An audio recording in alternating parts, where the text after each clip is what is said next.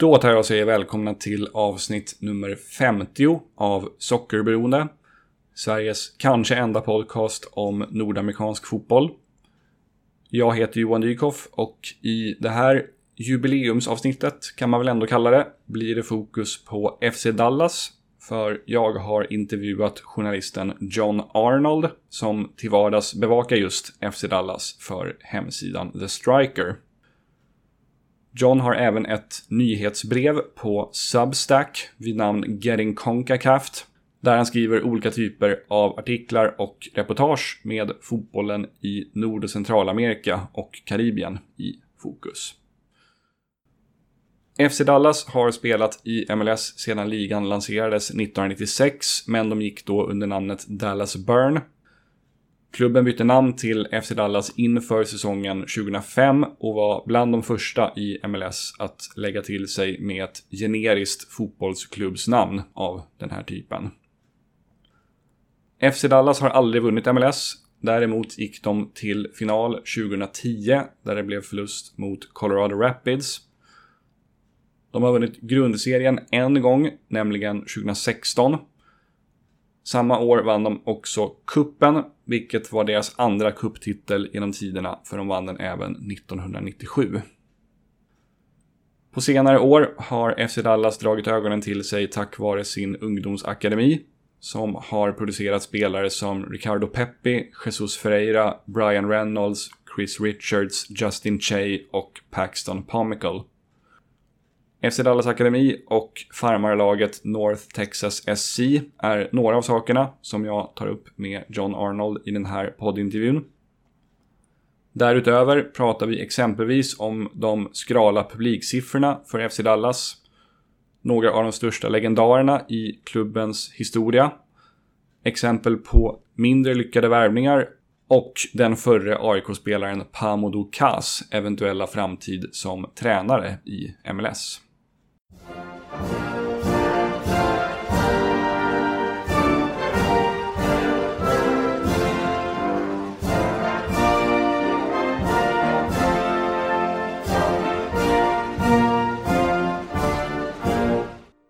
So to start off, uh, as I mentioned in my email, this interview will obviously primarily be about FC Dallas. But since this is a podcast, a soccer podcast based in Sweden, I would like to ask you what comes to mind for you when you hear the words Swedish soccer. Yeah, I mean, um, Larson, I think is like the first thing that comes to mind, to be honest. Um, and then I think there is a, a, club scene that, especially following Concacaf players, like I like I have and do, um, I know a, a, little bit about, maybe enough to be dangerous.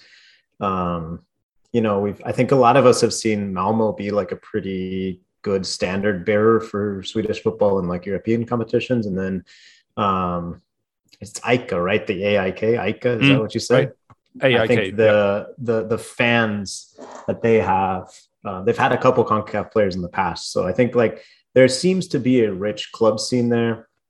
Obviously, like I think similar to Swedish people trying to watch MLS, the time zone and the broadcast rights, and the fact that there's probably you know 10 other leagues that people might be more intrigued by uh, sometimes make it so i can't tell you you know how's helsingborg's doing i have no idea but you know I, I i have the impression there's a pretty rich club scene and obviously, like I said, you know, the Larson and, and some of these other kind of like names of the past. Obviously, Ibra is another where like there's the connection and there's MLS ties there. Um, it seems like he's always getting statues of himself made and then destroyed, mm-hmm. um, which, you know, just I guess is an Ibra thing to do. I, I don't figure that anyone will ever make a statue of me. And if they do, hopefully no one destroys it. But uh, yeah, I mean, those are kind of the, I guess, the the touch points of Swedish football that I have. I, I did cover a game in 2018 at the World Cup involving Sweden, which was nice. It, this is a weird one, but like, I don't know if Swedes realize how beautiful the uh, fonts in like Aftonbladet are. Like the newspapers are very beautiful. Um, so good job. Uh, yeah. but other than that, you know, I, I, can't I can't pretend to know too much more um, uh, about about Swedish football. But those are, you know, hopefully hopefully a decent base level. yeah, I know people who work at Aftonbladet, so I'll tell I'll tell them you your uh, that you uh, yeah the logo enjoy their fonts. Yeah. Yes. um, so I had a look at uh, the uh, all-time roster of FC Dallas, and there, there, there's never been a Swedish player at at Dallas, but there was a Finnish midfielder by the name Simo Valakari back in 2004, 2005, and six, and then in 2020 there was a Norwegian forward who was drafted, but I don't think he ever made the team. So um, Dallas are yet to like tap into the Scandinavian market. Uh, uh, like many other MLS teams have done yeah. in recent years. I think that there is the natural inclination to bring players from Latin America. You know, there's such right. a high Spanish speaking population here. And every manager for the last decade uh, that FC Dallas has had has been bilingual in English and Spanish. Not that a, a, you know a lot of those players from that region speak English or, or could adapt, but I think that the natural inclination is to go from the south. And and you know again it's stereotypes, but the heat is a real factor here. Mm. Um, even this year, for some American players who are, are, from southern regions, I've heard them kind of be surprised at just how hot. And it's been unnaturally hot this year. But look, like with climate change, and uh, I think as Sweden has has kind of like you know, there's obviously several famous Swedes who are climate evangelists. Um, mm unfortunately, I'm not sure it's going to be getting any cooler in future seasons. So um, I do think that is a factor, um, maybe in some of FC Dallas's player recruitment. Um, but ultimately, you know, if if a player is good enough and comes on the radar, then then you could see it happening. But uh, the, the, focus is usually on players either from the academy, which I'm sure we'll get into, which is mm. such has such a rich history of player production, or from Latin America. Right, right. Um, moving on, I would like the listeners to get to know you a little bit as well. Um, may I ask you how old you are and where you were born and raised? I am 32. My birthday is this month, so I'll be 33. Mm-hmm. Um, catching up on Jesus. I say this is my Jesus year. Hopefully, I make it longer than him, though. yeah. Um, you know, 33 didn't go so great for him, although I guess pretty consequential depending on your beliefs. Um, Yeah. So uh, I'm I was born in Kansas. Actually, my first experience with soccer was going to uh, KC Wizards games with my mm-hmm. grandparents. That took me just to get me out of the house, and had a sports obsessed grandkid, and um, lived about an hour from Arrowhead Stadium, where the Wiz at the time in the first year, then the Wizards were playing.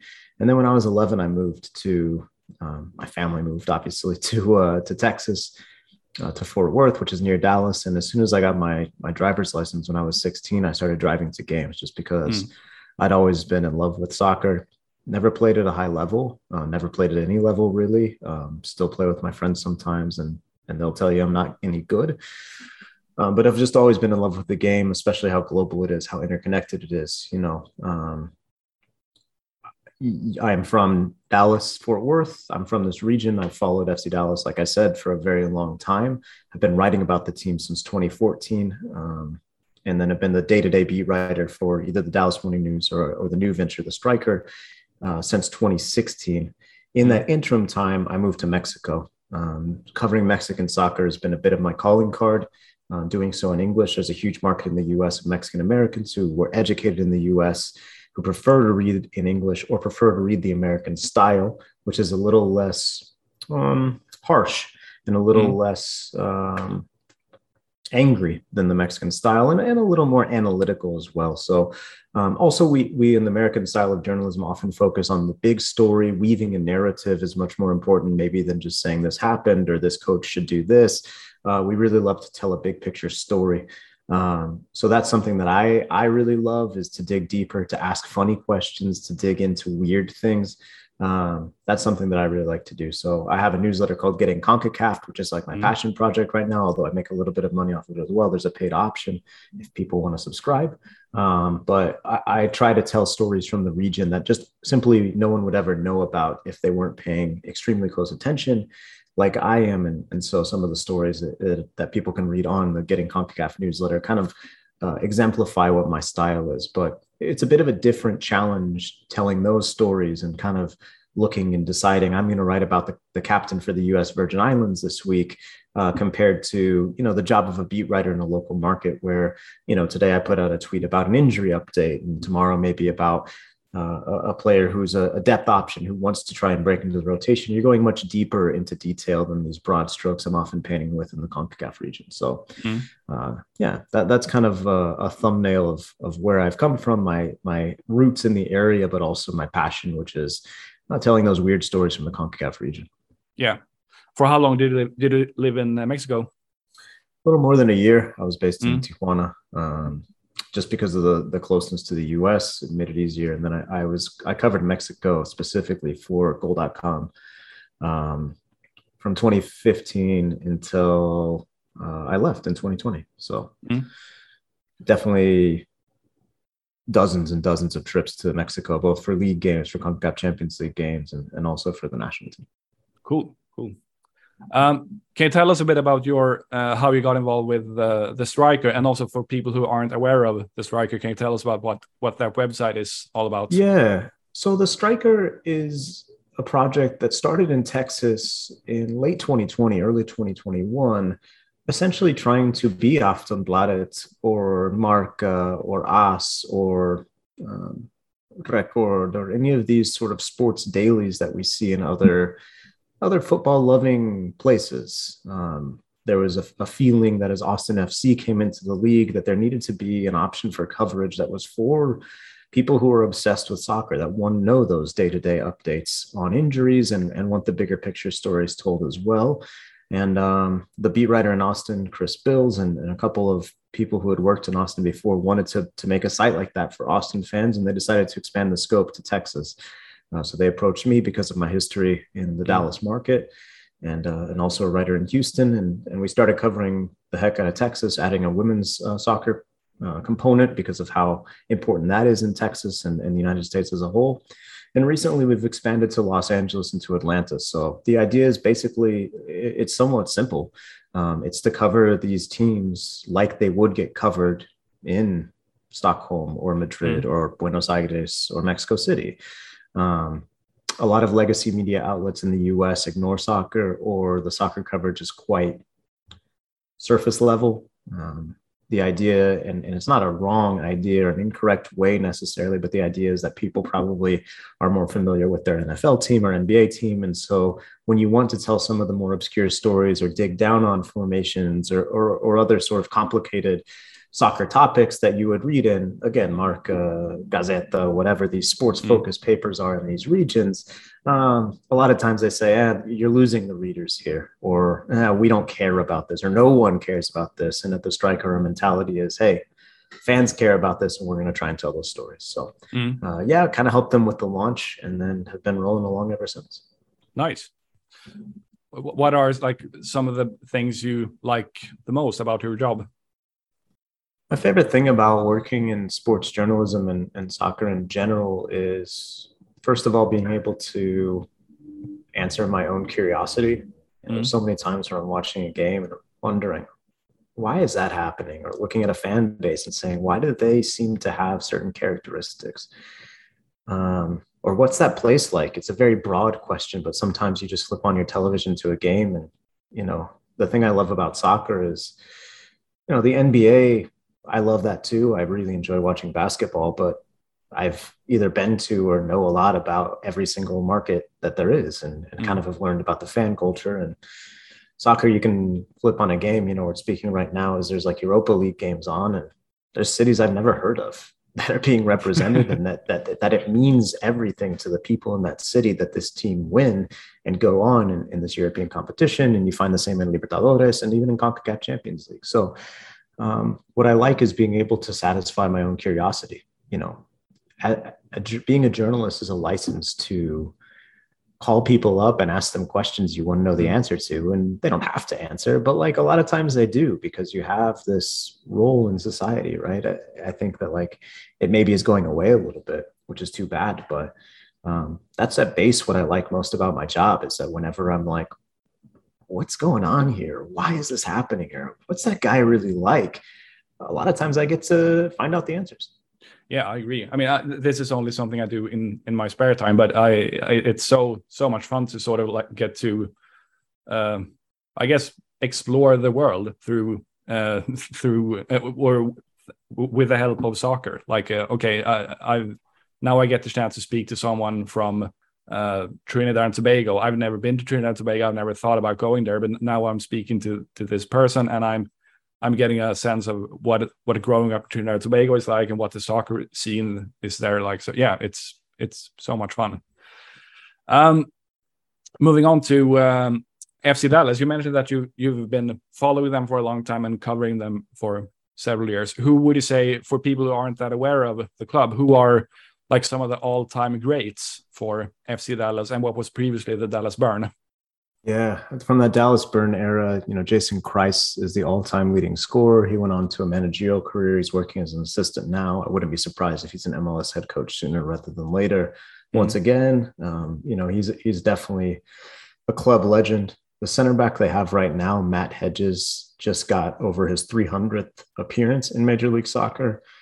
He's a guy who I think if he doesn't want to do something different, could finish his career having been a one club man, uh, which is pretty remarkable anywhere in the current soccer ecosystem. And I think mm. it's going to be exceedingly rare in MLS as players go into free agency now. You know, good advancements for the player side, good advancement for labor, but um, I think will make player movement all the more encouraged and possible. Uh, not that I think Hedges has wanted to leave, um, but legitimately a player who I would say they should build a statue of if everything you know continues on the path that it's going on, uh, just because of how influential he's been for how many years. Mm. There's a player named Bobby Rhine who um, was a, a, kind of a heart and soul player for the team, transitioned into the broadcast booth, and then passed away suddenly and tragically while he was on vacation with his family. Mm. Um, he's a player who, uh, you know, certainly is is beloved by FC Dallas, and that that early departure from the world really uh, cemented his place in in FC Dallas fans' hearts and minds. And um, you know, Paxton Pomykal, a young academy player, midfielder, um, asked his widow um, to take his number 19, which no one had worn since since Bobby's passing, and that was a special moment. So he's been uh, doing that. But I, I, think that shirt is, is kind of a, a cherished one.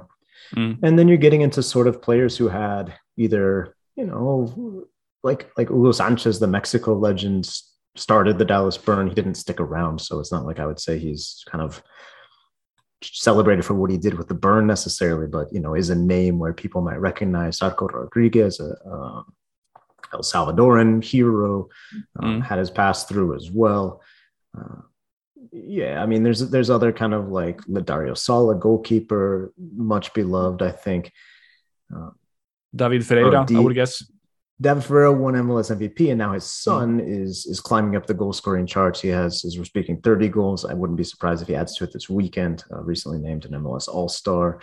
Um, yeah, he's doing really well. Another beloved player, I think, Mauro Diaz was the playmaker mm. of the team that actually won the Supporters Shield uh, and U.S. Open Cup. One of only two of only three trophies that Dallas can point to, major trophies in the trophy cabinet. Um, he's a player who I think history will smile upon. Uh, you know, when you, I think he's still going in Argentina. Like whenever he retires, I think it'll be a little more kind of come into focus what he did for the team and, and look like this is very in the weeds, but like you're talking about club history, like if he doesn't get injured when he did in that season, I think we might be talking about a treble because I think they would have won MLS Cup. Mm. As it was, they don't have their most important player. He doesn't go. And that brings me to maybe the last name I'll share, which is Carlos Ruiz, Guatemalan legend. LA Galaxy claim him as well because of his goal scoring and, and another MVP uh, season there. But he did a lot with FC Dallas too, and was signed in that 2016 season. And his basically only contribution, everyone kind of knew he was on his last legs and wasn't going to be sort of an everyday player. He was brought in as a bit of an emergency signing or kind of a, mm. hey, it's our friend coming back in the summer and everyone was kind of okay. Yeah, I guess Carlos Ruiz. We liked him when he was here. Um, he scored a goal that basically clinched the supporter shield for Dallas, and that was his only contribution of the year. But man, it was an important one. And yeah. uh, so El Pescadito, the little fish, um, is I think another player that FC Dallas uh, fans much uh, appreciated and loved. Yeah.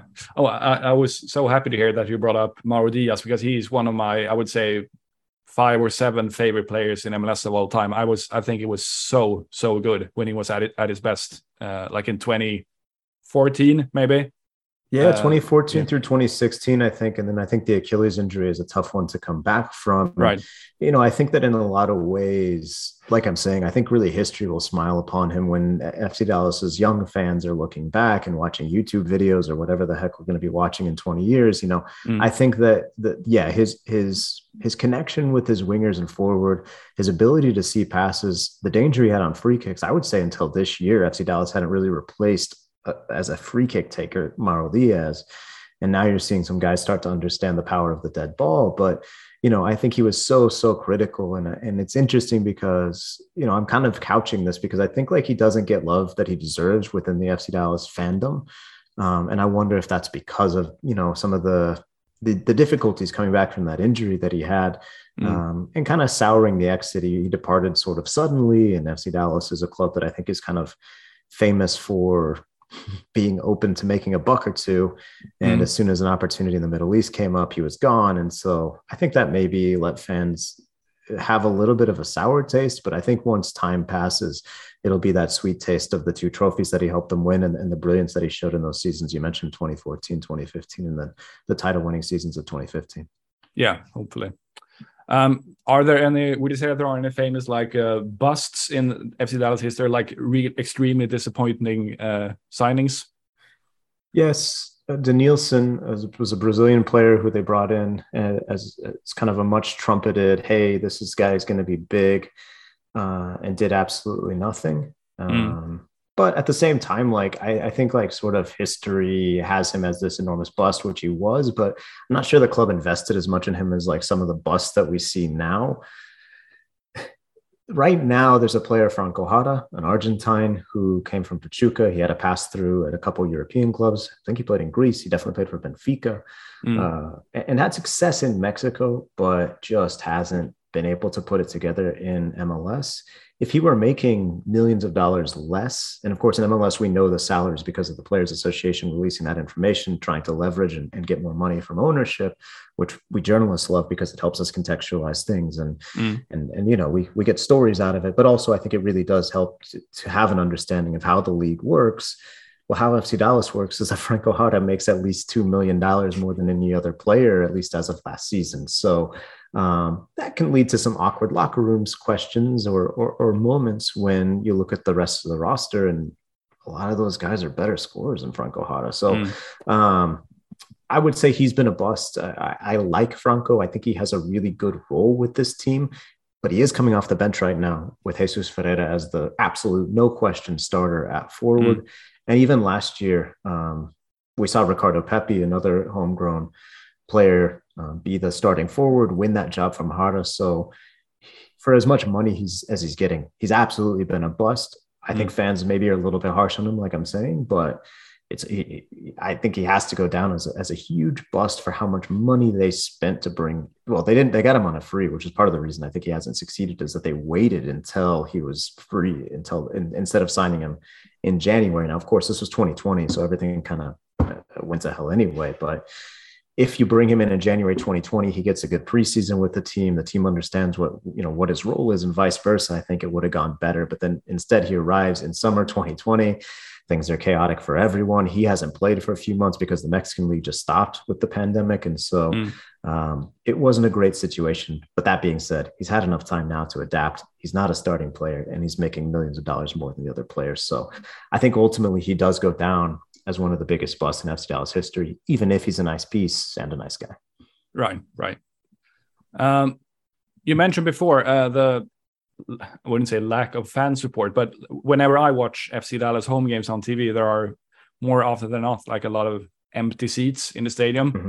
Mm-hmm. Uh, is this something that is like widely discussed among fans and people who cover yes. FC Dallas? And what what do you think could possibly be done about it?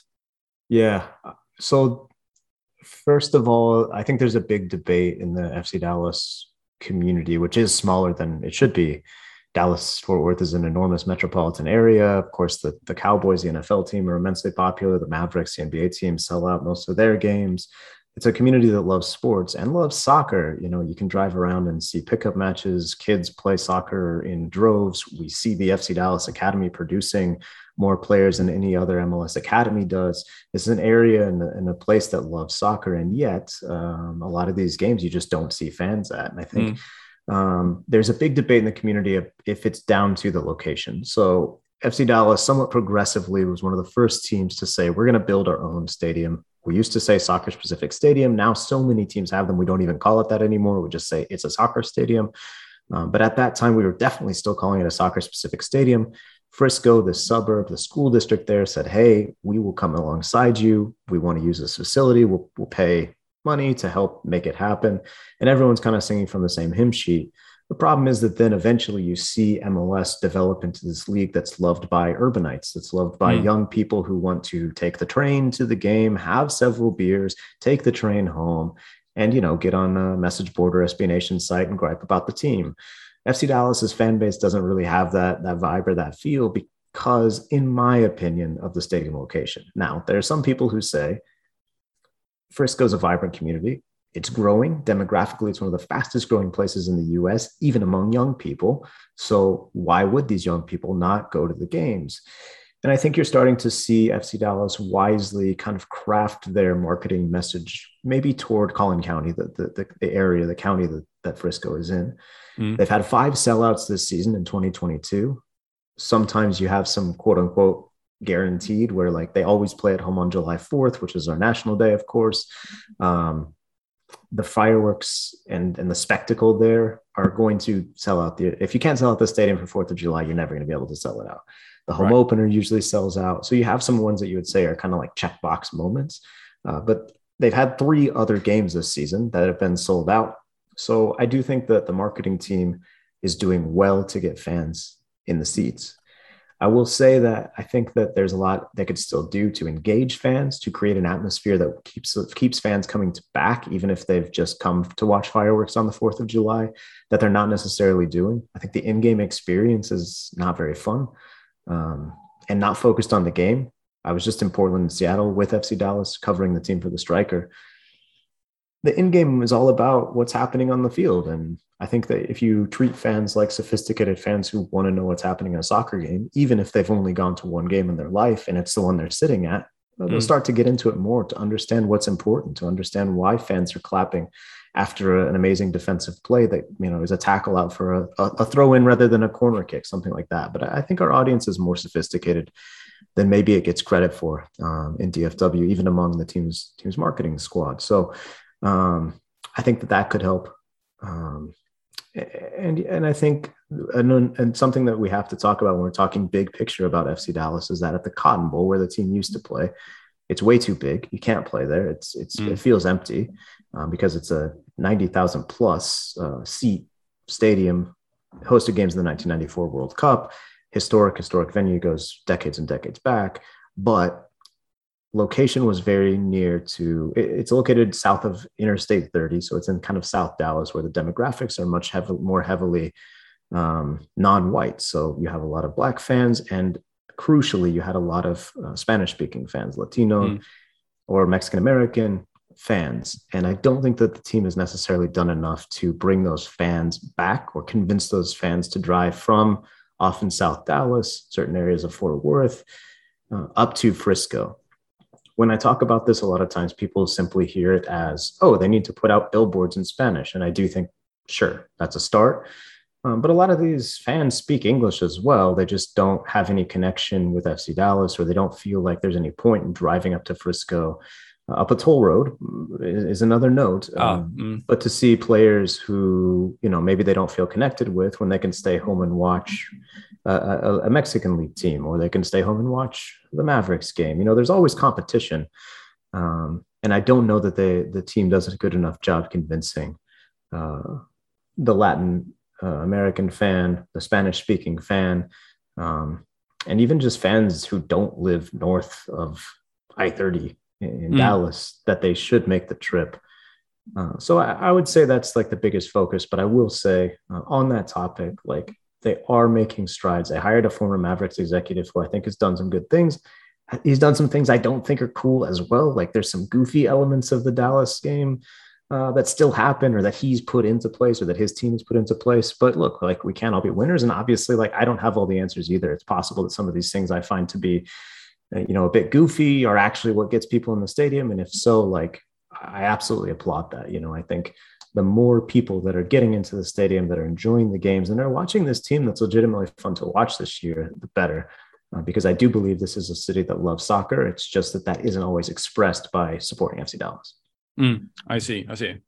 Um, speaking of uh, fun players to watch, you mentioned uh, Jesus Ferreira before, um, and I I would say it's fairly likely that he'll play in the World Cup this this winter. Uh, yeah. And I can imagine I can imagine that a lot of Swedish people listening to this uh, have never seen him play. So, uh, like, if you would describe him as a player, what what are his best qualities, and why why should people be excited to see him in this World Cup. Yeah, I think Jesus Ferreira will make the U.S. roster, and I wouldn't be surprised if he starts as the starting forward for the U.S. in at least one group game, maybe more. Mm.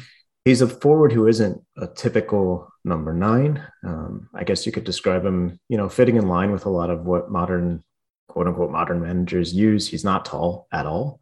Um, and he, you know, he's he's okay in the air, but he's certainly not winning big headers. Ricardo Pepi, who FC Dallas sold on, uh, was more of that player.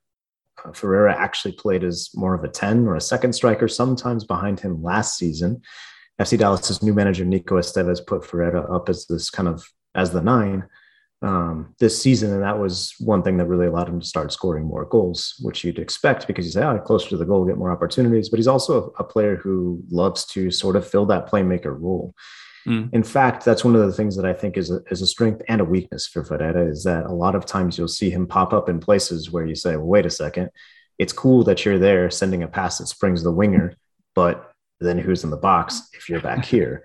Uh, he still has some of those playmaking instincts uh, that he showed. And I think like the fact that he can do a lot of those little things well make it tempting for a manager to sort of move him around. But Estevez has kept him just simply as the nine. Now and then he'll play with another forward up top in like a 4 4 2. Now and then he'll shift back to that kind of role that he was playing as a bit of a playmaker, you know, behind the, the, the other forward. Um, but I think ultimately his versatility is what makes him a good player and his, his IQ, you know, the ability to to see those opportunities, to realize ah, if I if I go here, then I'm going to get the ball and I can make something happen.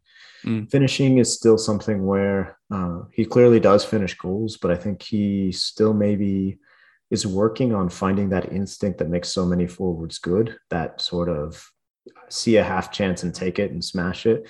When he does it, he often scores, but uh, there also have been moments this season where he's been on a breakaway or had a chance or a half chance and he's you know preferred to look to create something for a teammate in a worse spot and you know you want him to be hungry you want him to be smashing in goals and um, I think that's something that he, he still needs to work on, but otherwise is a, is a player who can do a lot of things well.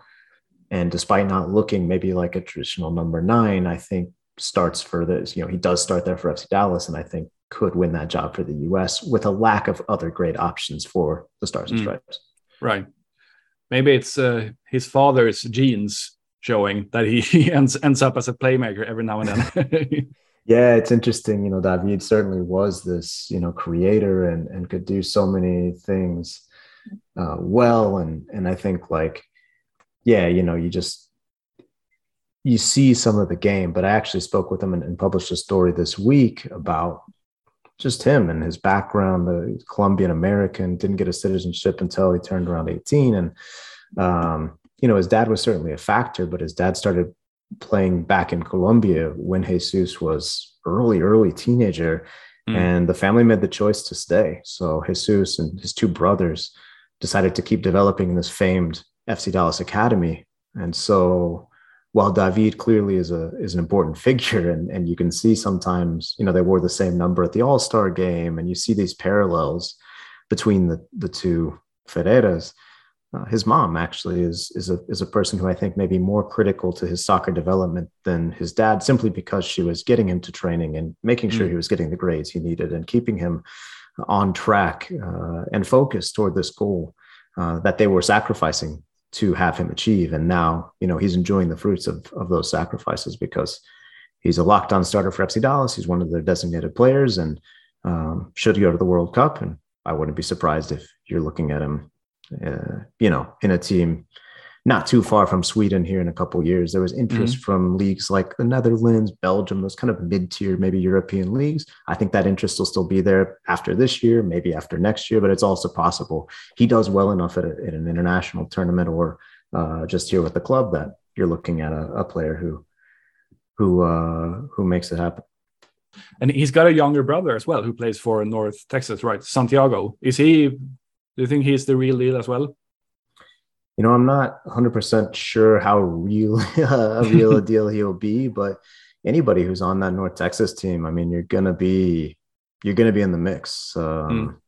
You know, I think that you see again, you see the genes, you see the the, the dedication. I think Jesus has is is very close to his brother, and and they definitely have kind of uh, you know focused in on this goal. So um, yeah, I, I think that you should see him emerging and we've seen other players in the FC Dallas Academy kind of have similar situations, uh, whether it's father son. You know, uh, Dante Sealy, the son of former FC Dallas player Scott Sealy, came through the academy, went to the Netherlands on loan. Mm. Uh, Arturo and David Rodriguez are both playing in the USL Championship now. Still quite young players, could make an even bigger jump. There's definitely a, a family vibe around the team, and some of that is because sometimes they're literally family. Mm, right. if you would have to if you would have to pick one player from North Texas who you think will make it big in the future, who would that be? Hmm. You know, it's interesting because for a while there, the North Texas squad was like this obvious, you know, pipeline. Mm. Um, but then a lot of the guys went on loan and kind of sought like something a little different. So we've got Sealy is out on loan. I think he probably would be on the FC Dallas first team right now if he hadn't uh, made the jump. Justin Che, a defender, he I almost certainly would be the third center back this season had he not decided to go uh, to the Bundesliga. And you've seen it North Texas sort of take on a different kind of uh, role than it did when Ricardo Pepi was playing there, when Tanner Tessmann was playing there. These guys who kind of baked in the uh, in the North Texas oven before they were ready for the first team, and then were sold on uh, usually very quickly after. So I do think Santi is a name to keep an eye on. Bernard mm. Kamungo is a very interesting story because he is from a city, a very small city in Texas. Well, he's from Tanzania, came as a refugee to a very small city in Texas, turned up to an open tryout where they just said, Hey, come, you know, pay a little fee and we'll watch you play and see if you're good enough for North Texas. And he was. He's mm been quite good, very attacking player, might be FC Dallas in his very near future.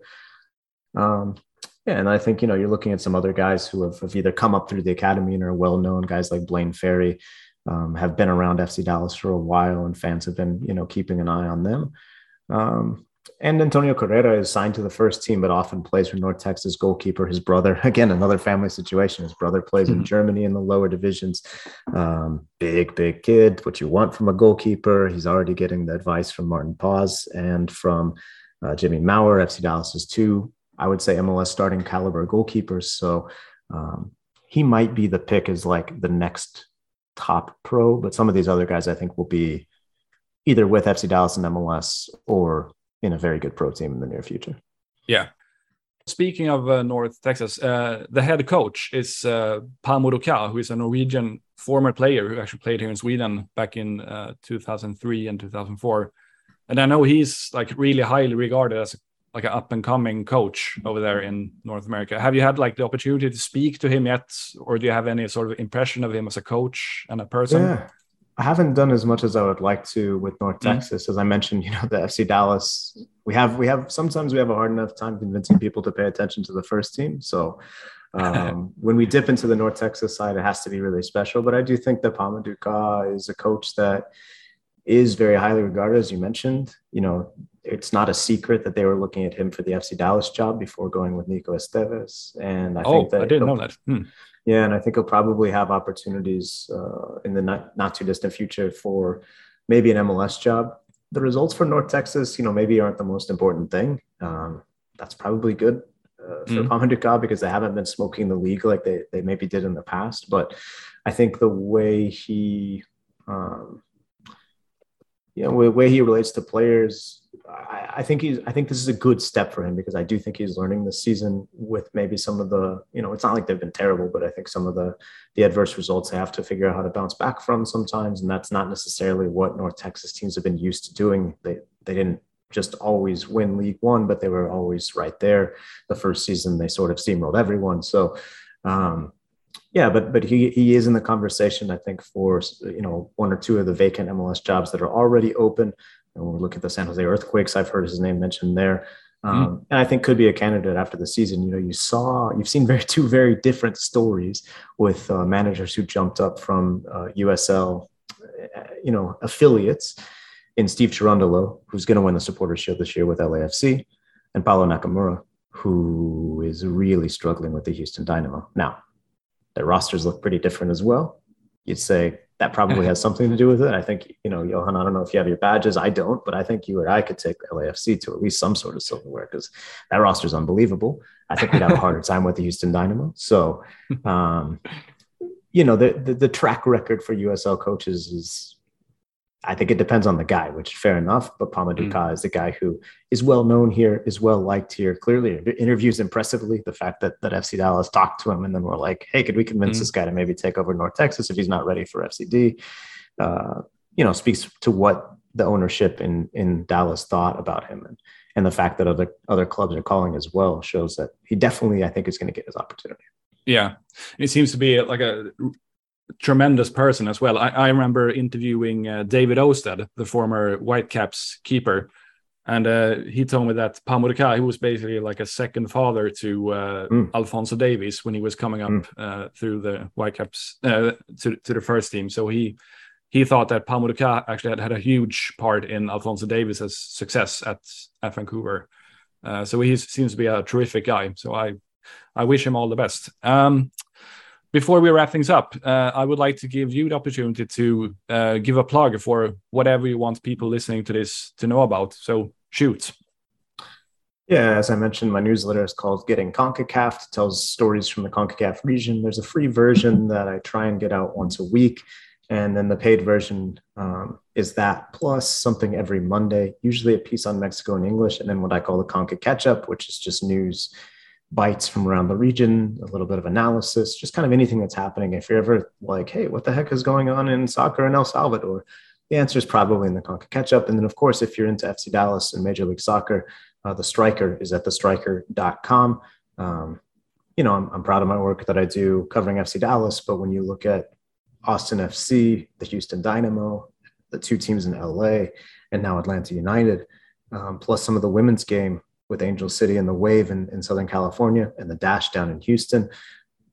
I'd put our coverage against anyone else in the country, and I think mm. that if uh, if you subscribe, you'll you'll feel the same. But you can test it out yourself because there's a 30 day free trial. So if you want to check that out at thestriker.com, click any article, fill in the details, and then you're off and running. So those are the two things that are definitely right now nearest and dearest to my heart. So if people want to check those out, they're more than welcome. And there's a Striker podcast as well. Yes, uh, every Monday at 10 a.m. Central Time, uh, we go mm-hmm. live, and uh, you can also obviously download it. You know how podcast works if you're listening to this.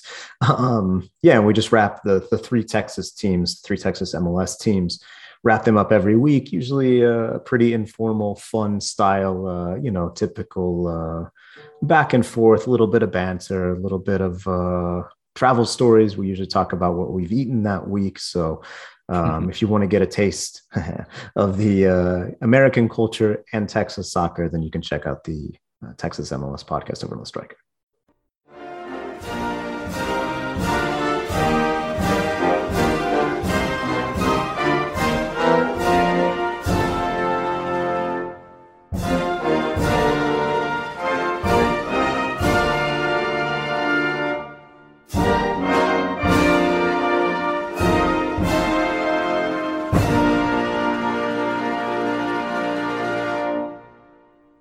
Sådär ja, då tar vi och tackar John Arnold för att han tog sig tid att ställa upp på den här intervjun och vi önskar honom givetvis allt gott framöver. Se nu till att följa Johns arbete för han är oerhört kunnig och även om FC Dallas kanske inte är det flashigaste laget i MLS eller den klubb i MLS som har mest svensk intresse. Så är det en jäkla intressant klubb att följa och inte minst då tack vare alla spelare som kommer fram genom deras akademi. Tack så mycket för att ni har lyssnat på det här avsnittet. Eh, prenumerera gärna på podden och ifall ni har synpunkter på podden så går det jättebra att höra av sig till mig på exempelvis Twitter. Ta hand om er så hörs vi snart igen i kommande avsnitt av Sockerberoende. Tja tja!